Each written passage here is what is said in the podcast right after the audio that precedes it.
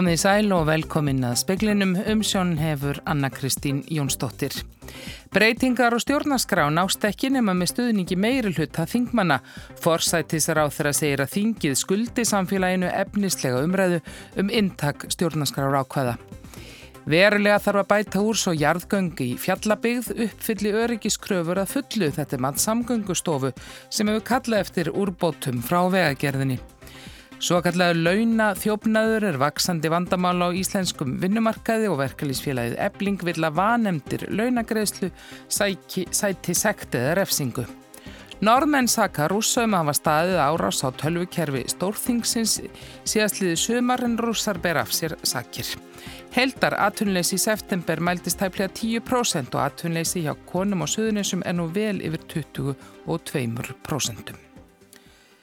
Um tíu manns komu saman við sjávarútveikshúsi í Reykjavík í dag og tóku til við að mála á grindverk.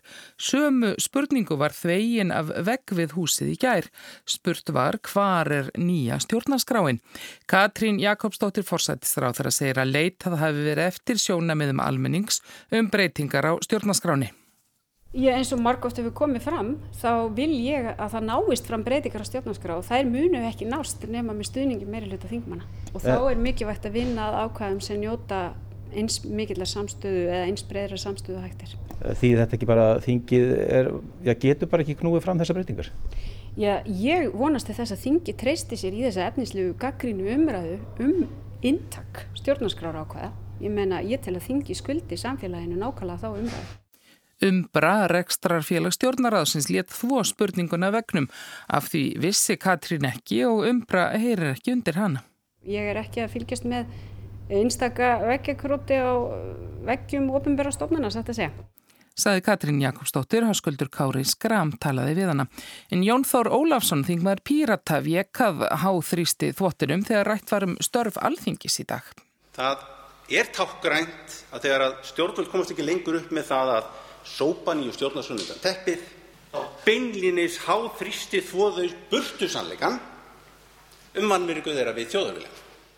Nánar verður fjallaðum stjórnarskrármáli sjónvarpsfréttum klukkan sjö. Samgöngustofa telur að jarðgöngu í fjallabigð uppfylli ekki að fullu reglur um örgiskröfur og verklagsreglum um viðhaldi jarðgöngum sé ekki fyllt sem skildi. Þessir óskaða vegagerðin skili tímasettum áallunum um úrbætur. Bæjariföld í fjallabið hafa í mörg ár farið fram á að öryggi verði aukið í jargöngum í sveitarfélaginu, aðkomu vegagerðarinnar brunavörnum og úrbætur á fjarskiptasambandi. Samgöngustofa hefur nú byrt niðurstöður úttektar sem gerð var í göngunum fyrir tæpu mánuði. Þar kemur meðal annars fram að jargöngi fjallabið uppfylla ekki að fullu öryggiskröfur sam-evróskar reglugerðar og ekki sé farið að öllu leiti eftir þeim öryggiskröfum sem útlistaðar eru í viðægandi handbók. Þá sé ekki heldur fyllt að fullu verklagsreglum um viðhaldi í jargöngum. Það verðist vera allavega að margt af því sem við höfum verið að segja að það sé eitthvað til í að það megi bæta ímislegt í öryggismálum í jargöngunum hérna. Segir Elias Pétursson bæjastjóri í Fjallabygð. Þessi úttekt ætti jafnframt að auðveldar sveitafélaginu samtali við vegagerðina.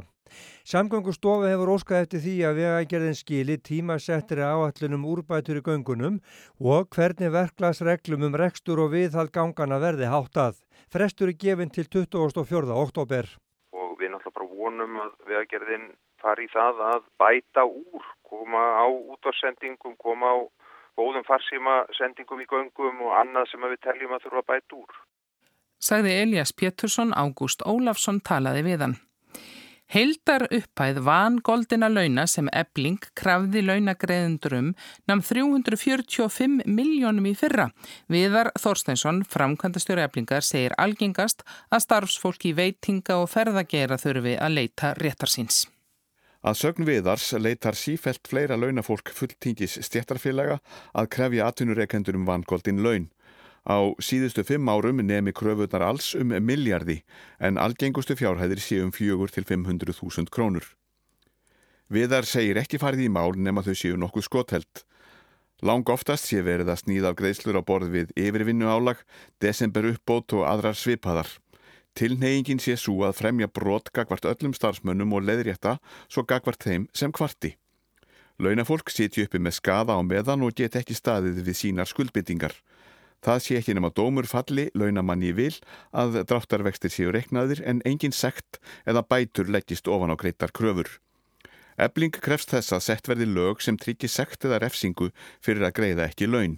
Í kjölfar kjarasamninga 2019 héttu stjórnvölda slíka ákvæði eruð sett í lögjöf sem hluti af stuðningi þeirra við lífskjarasamningana.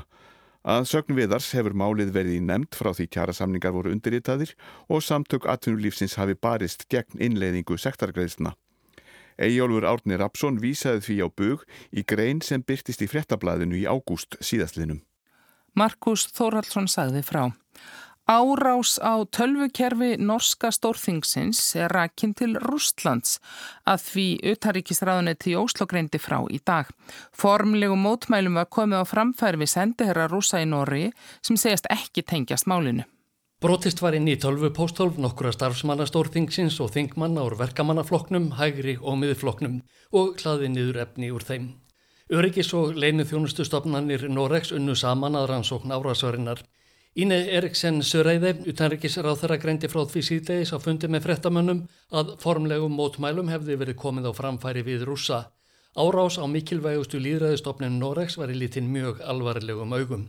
Vi sier veldig klart og tydelig ifra om at vi ikke aksepterer denne type angrep eh, som rammer vår viktigste demokratiske institusjon.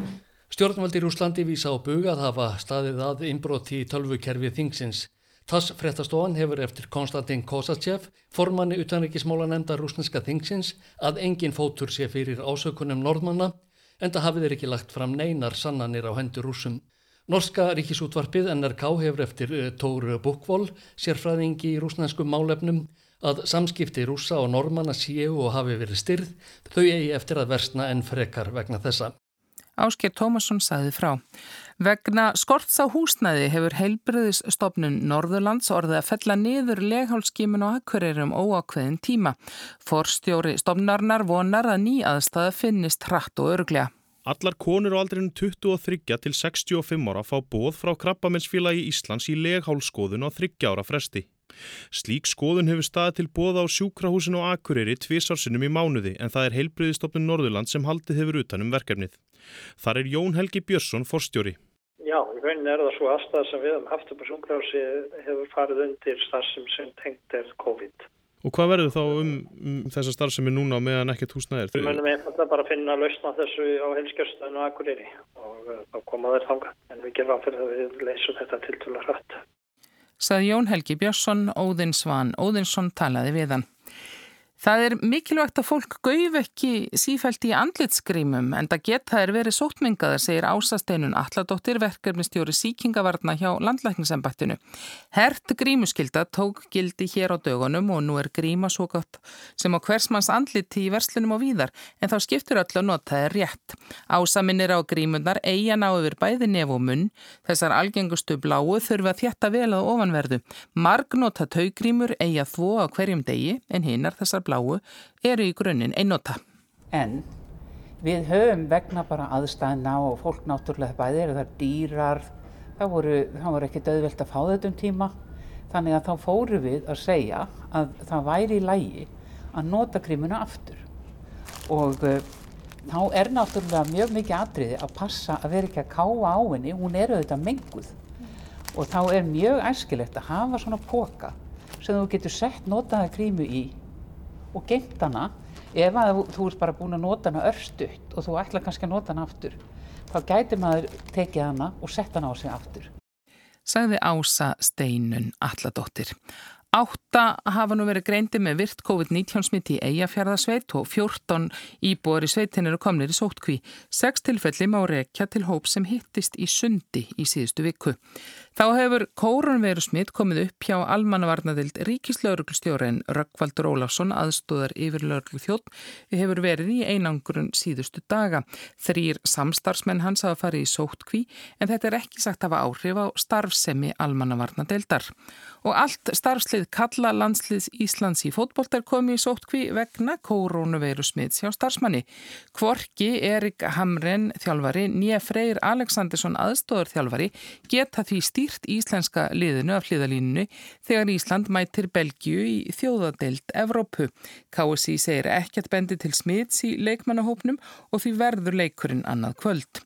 Og þá er Cristiano Ronaldo, leikmaður Juventus og portugalska landsliðsins komin með COVID-19 og verður ekki með Portugal þegar þeir leika við svíja í þjóðadeildinni annarkvöld. Ronaldo saður engkjana laus en í einangrun engir aðri leikmenn portugalska liðsins hafa greinst með veiruna.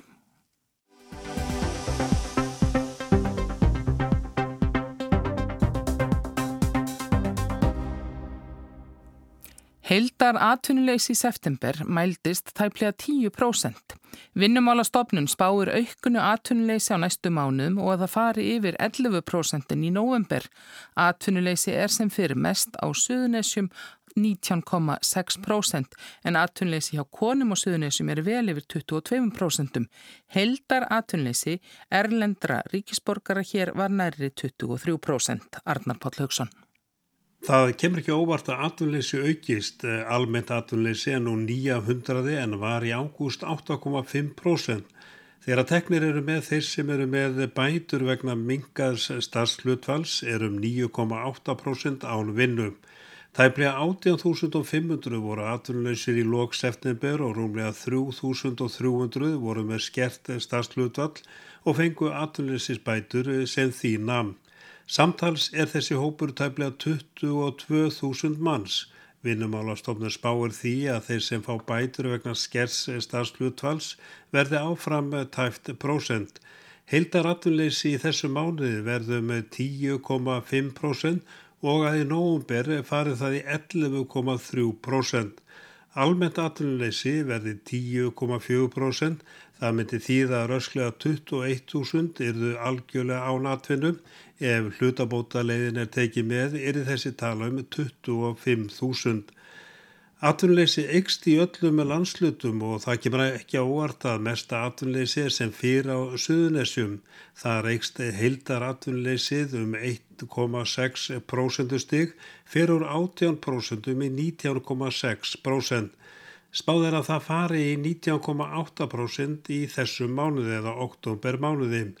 Næst mesta atvinnuleysi í september miða við landsluta er á höfuborgarsvæðinu um 10 af 100 og í þriðarsæti er Suðurland með 8,4%. Minsta atvinnleysið er á vestfjörðum og á Norðurlandi vestram rúmlega 2,5%.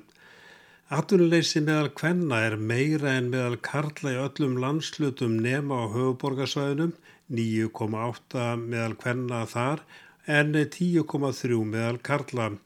Kynjamunurinn er þó langt mestur á Suðunésum, þar eru 17,7% karla án atvinnum en atvinnleysi meðal kvenna fer í síðasta mánuð upp í 22,5% á Suðunésum. Tæplega 7700 erlendi ríkisborgarar voru án atvinni í setuberi sem svara til um 20% atvinnleysis. Á sama tími fyrra voru tæplega 2600 erlendi ríkisborgarar án vinnu. Ef hlutabóða leiðin er tekið með mælist atvinnleysi í þessum hópi tæplega 23%. Hlutfall erlendra ríkisborgara á atvinnleysisgrá er nú um 41,5% en var í ágúst 40%. Helmingur þeirra sem er án atvinni hér á landi eru frá Pólandi. Tæplega 3700 hafa verið án atvinni meir en 12 mánuði. Þeim hefur fjölgað um tæplega 1900 frá sama tíma í fyrram. Þeim sem hafa verið atvinnleysið í 6-12 mánuði fjölgarm eru nú yfir 5.000 talsins. Yfir 1900 voru atvinnleysir á aldrinum 18 til 24 ára. Það svara til um 7% af skráðu atvinnleysi. Og í símanum er Drífa Snædal, fórseti Alþjóðsambands Íslands. Samantektin hérna framann, hún kemur nú ekki á óvart og horfurnar þær eru ekki bjartar heldur framöndan Drífa. Nei, það eru ekki bjartar, en eins og segir þetta kemur ekki miklu óvart þessar tölur, 8500 einstaklingar aturlausir og við höfum verið að leggja ofur áherslu á það að, að þess að koma okkur út úr þessum þessu kófi núna að þá þurfum við að tryggja framfæslu fyrst og fremst og leggjum á það áherslu að, að, hérna, að uh, þessi hópur verið gripinn að okkar velferðarkerfi að það sinni sínu markmiði þannig að uh, við hækkum grunn aðtunleysbætur en síðan það sem er líka mjög enginandi við allar þessar tölur er uh, hvað það er hægt að hvað þetta kemur ólíkt niður á hópum og svæðum. Uh, það er náttúrulega sérstaklega erfitt ástandi á söðunisum og, og það hafa verið í gangi hugmyndur um tilrinnivertumni þar þannig að það séu búindir störf og aðvunleysi spætum að fylgi þá fólki inn í þau störf uh, sem eru hugmyndir sem okkur líst vel á. Um, en síðan er, er eitt sem við þurfum sérstaklega að hafa ágjör af. Það er að sjálfsög fjöldi fólksafælendum uppruna aðvunleysbótum og unga fólki sem er hvorki uh, skráð nýja í skóla Já. og það er bara kynslu sem er virkilega, virkilega að, að taka utanum og grýpa með einhverjum hætti. Og þar erum við líka að sjá uh, tölur vera mun á milli Íslandika og þeirra sem eru að veljandum uppruna. Og ég var nú að fá tölur í dag um að 19 ára ungmenni 39% erlendra hvenna 19 ára eru korki í skóla nýja í vinnu Já. og sama hlutallega 31% hjá, hjá drengjum þannig að við þurfum að, að hérna virkilega að taka okkur á til að missa ekki sko til að vera ekki búa til uh, óeyfirstíðarlega vandamál uh, hellar kynsluðar í framtíðin. En hafa menn einhverjar lausnir eða tæki tiltæk? Uh, já, uh, en máli er að það það náttúrulega sér snýðu þessar lausnir, uh, bæði ekkert ungu fólki og þar er náttúrulega þessar lausnir að hvetja fólk til að fara í nám, nýta þetta, þetta ástand til þess að menta sig. Og það er bæði ekkert ungu fólki svo sem og, og eldri. Og síðan þessi sem þetta sé nefnd áðan að í rauninni búa til störf uh, hjá hennu opibera og jáfnvel á, á almennamarkarum líka og, og leifa aðunleysi spótum að fylgja fólki inn í ný störf. Uh, það sem skiptir óbúslu máli þegar svona, svona staða er uppi er að, að fólk, uh, já hvað maður segja, hvetja til yðju en ekki yðjuleysis. Fólk vil vinna, fólk vil sjá fyrir sér, fólk vil hafa eitthvað stað til að fara og, og, og þetta er alltaf ágefni ef, ef að lengist í þessu ástandi. Já. En síðan alltaf er það stóra málið að, að hérna sinna sóttvörnum til að við komumst út úr þessu ástandi og getum bara að byggja vinnumarkaðin hérna áttur. En það er menn þegar við vakja aðtikla á því að þessi kreppa núna hún sé að byrtast í, sko hún er að byrtast í meira í aðtunleysistölunum heldur en til dæmis í verðbolku sem við höfum oft orðið vörfið þegar það reyngir að. Já, en það er þetta allt öðruvísi kreppa heldur við höfum verið bara í gegnum áður. Störf hafa horfið, bara beinlinis. Uh, ferða þjónustan uh, er bara í dvala sem þýðir að störf í ferðarþjónustunum eru bara horfin. Uh, þannig að það, það er ekki þannig að það trengir að fólk hættir að neyta og þess vegna sko hægi á hjólum aturlýsins og þannig verði hérna Uh, þrengi að heldur, heldur er þetta bara þannig að störpælis hverfa og þess vegna skiptir svo óbúslega máli að, að þetta öryggisneti sem við erum með í gegnum aðbjörlusist tryggingarnar til þess að, að þetta verð ekki verra útlitt uh, til framtíðar heldur er orðið. Og síðan vil ég líka minna á eitt og það eru nokkru hópar sem eru orðið mjög örvæntingaföllir, það er fólk sem eru að falla út af tekjutengta tímabilinu sem dætt inn bara þegar það voru þrýr mánuður en ekki sex mánuður og síðan fólk sem er bara falla út af aturleysis bútum alveg uh, og þetta ástand að það uh, hvetur okkur líka til að finna lausnir sem er orðið mjög aðkallandi í bara greiðslu vanda heimilana uh, þar sem við vitum að þetta, þetta ástand er ekki að hverfa á morgun alveg. Þakkaði fyrir þetta Drífa Snædal.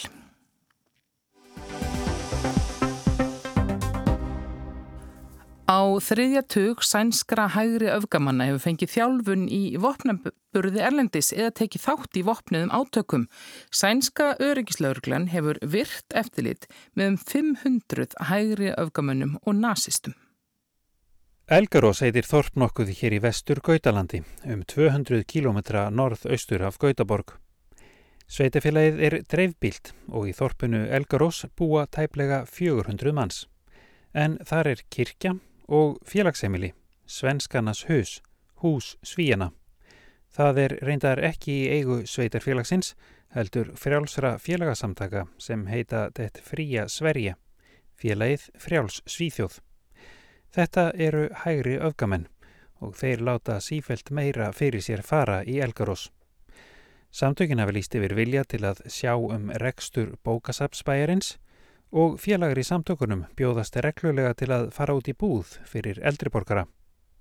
Á nóttunni fara þeir um í hópum.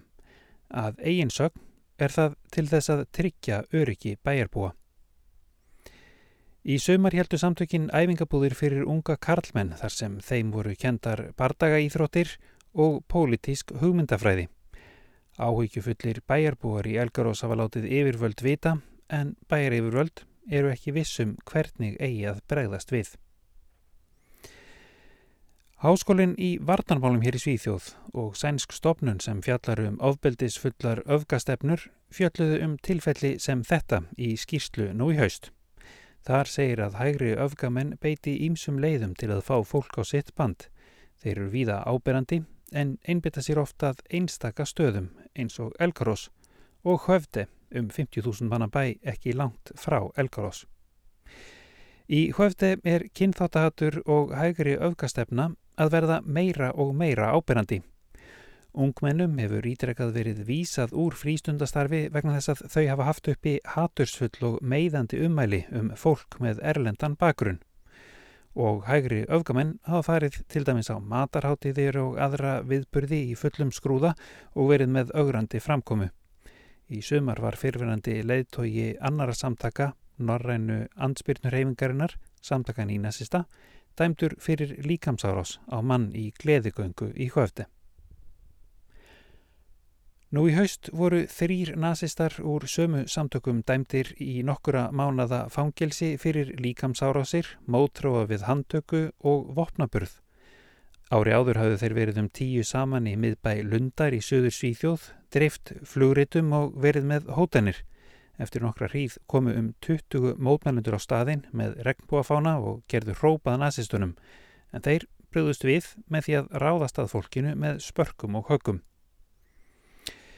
Þá um haustið, fyrir um ári síðan, komu félagar í þessum sömu samtökum, Norrænu ansbyrnurhefingunni, til Íslands og stóðu á lækjartorki og dreyðu flugritum og rættu við vegfærendur, síndu sömum reyndar ógnandi framkomu. Aðeins tveir nazistana á lækjartorki voru Íslendingar. Hinnir virðast flestir hafa verið svíjar og þannig virðist það oft vera þegar nazistar efna til aðgerða á Norðurlöndunum. Í apríli fyrra gengu um 70 nazistar fylgdu liði um miðbæði kaupanhafnar, um 60 þeirra voru svíjar en aðeins örfáir danir. Sömumsögur að segja að göngu nazista í Noregi í fyrra þar sem um 50 af 60 nazistum voru sænskir. Norræna ansbyrjunarhefingin í Svíþjóð er stærsta hrefinga nazista á Norðurlandunum og við líka hópar í Noregi, Finnlandi, Danmörku og á Íslandi virðast háðir stuðningi hennar. Yfirvöld hér í Svíþjóð meta það svo að nokkur hætta stafi af samtökunum. Fylst er með um 500 einstaklingum sem tengjast hægriöfka samtökum, sem séu fylgjandi ofbeldi. 190 þeirra hafi verið dæmdir fyrir afbrott, oftast brot gegn vopnarlögum og líkamsárásir.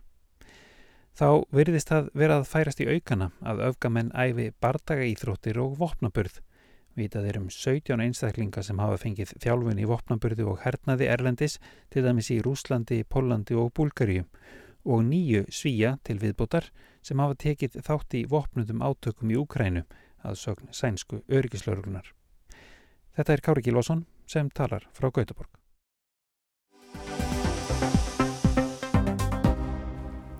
Máltíð var valin ein af tíu bestu hugmyndunum af 400 sem bárust í frumkvöðla keppnina Gullegið.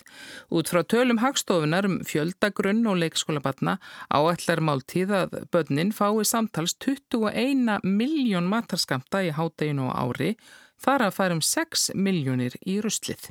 Herborg Svana Hjelm stendur að verkefninu máltíð.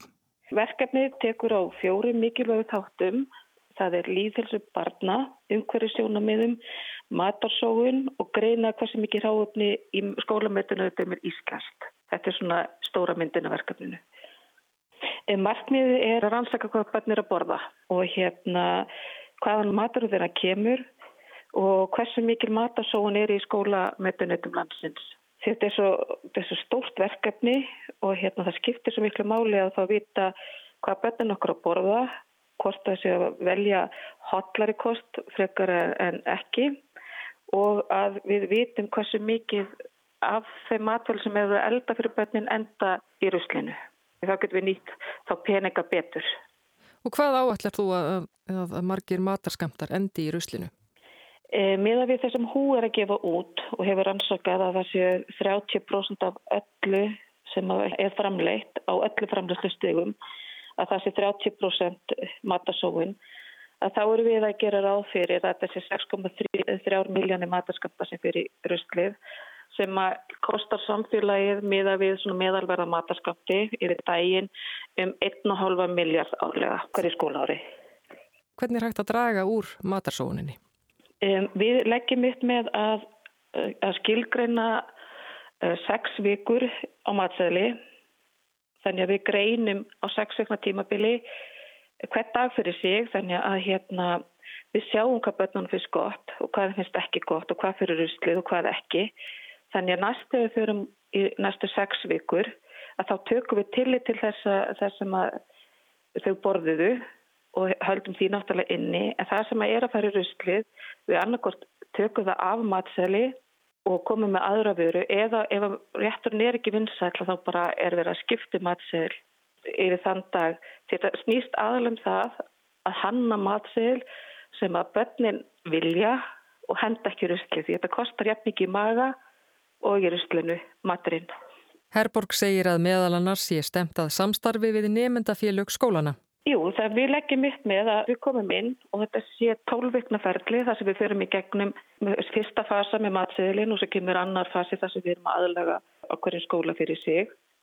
Og í leiðinni þá eru við bæðafræðabötnin, kennarana og fóraldrafélagin og stóri þáttur nýjus er að fá nefndafélagin í skólanum til að vinna með okkur og segja ykkur hvernig, hvað börnum vilja og hvernig þau vilja, sjáu fyrir sér átegismatinn og fræða þau um hvað er mikilvægt að borða hotla mat. Herborg segir að nú sé í gangi vinna að hönnun á gagnagrunni um matarsóun. Þegar við erum að greina matarsóununa í mötunutunum þá er það fjóri þætti sem við horfum á og þá erum við að horfa á það að það sem er, það sem er kælum, fristum og þurfurulager, það er haldið utan það sér og svo þegar við erum að elda matinn þá höldum við um það líka bæði það sem er nýtanlegt og ónýtanlegt þannig við skiptum því í tvo flokka. Og svo það sem er hérna afgangar af diskonum og það gerum við saman, setjum það í tvo flokka, það er nýtanlegt og ónýtanlegt. Kjúklingabein er til dæmis ónýtanlegt þannig að það er ekki raunverulega matasóun en kartiblunar eru matasóun, hann er flokkum það. Og svo þegar við erum að ef við erum að setja á hlaðborð að þá gerum við það sama. Við flokkum það í tvent, nýtanlegt og ónýtanlegt en já, út frá þessu er hægt að hafa yfir sín yfir hvert flokk fyrir sig og svo þegar við erum að kaupa inn næst og þá getum við tekið tillit til þess að horfa á matasónu hverjum flokki fyrir sig og þá nýtt fjármagni miklu betur og það, þetta er, er allt í skýsluformi. Og þetta er eitthvað sem þá sveitafélagin geta nýtt, nýtt sér í sínu fjárhags áallunum? Já, þetta er þess að hugsaði fyrir sveitafjölein og náttúrulega vonast ég til að, hérna, þetta leggist vel í landan og, og, hérna, og fyrirtæki hafi líka áhuga á, á svona yfir sín og jafnvel ríkir líka. Því að þetta er svo rosalega stór þáttur í okkar lífi að borða mat og matur er svo góður og að við höfum góða upplifin á matum það er líka hlut af þessu. Ef við ánæðum með matin þá er minni matarsóun samkvæmt hú þá hefur offita á Íslandi þrefaldast frá árunni 1975 þannig þetta er líka þjóðhagslega hafðkvæmt fyrir samfélagið að það er að vera með góðan næringaríka mat og hugsa vel um bennun okkar því þú veist það er uppistaðan í þessu öllu líka. Sæði Herborg Svana Hjelm, Ásrún Brynja Yngvarsdóttir talaði við hana. Og veðurhorfur eru þær að það verður suðaustan kvassviðri vestan til og úrkomu lítið en fer að regna þar í kvöld. Annars hægar vindur og bjartviðri, suðvestan strekkingur við austurströndina á morgun. Léttir til vestanlands annað kvöld og hiti verður bylnu fjögur til tíu stig. Fleir er ekki í speklinum í kvöld, tæknimaður var Ragnar Gunnarsson, veriði sæl.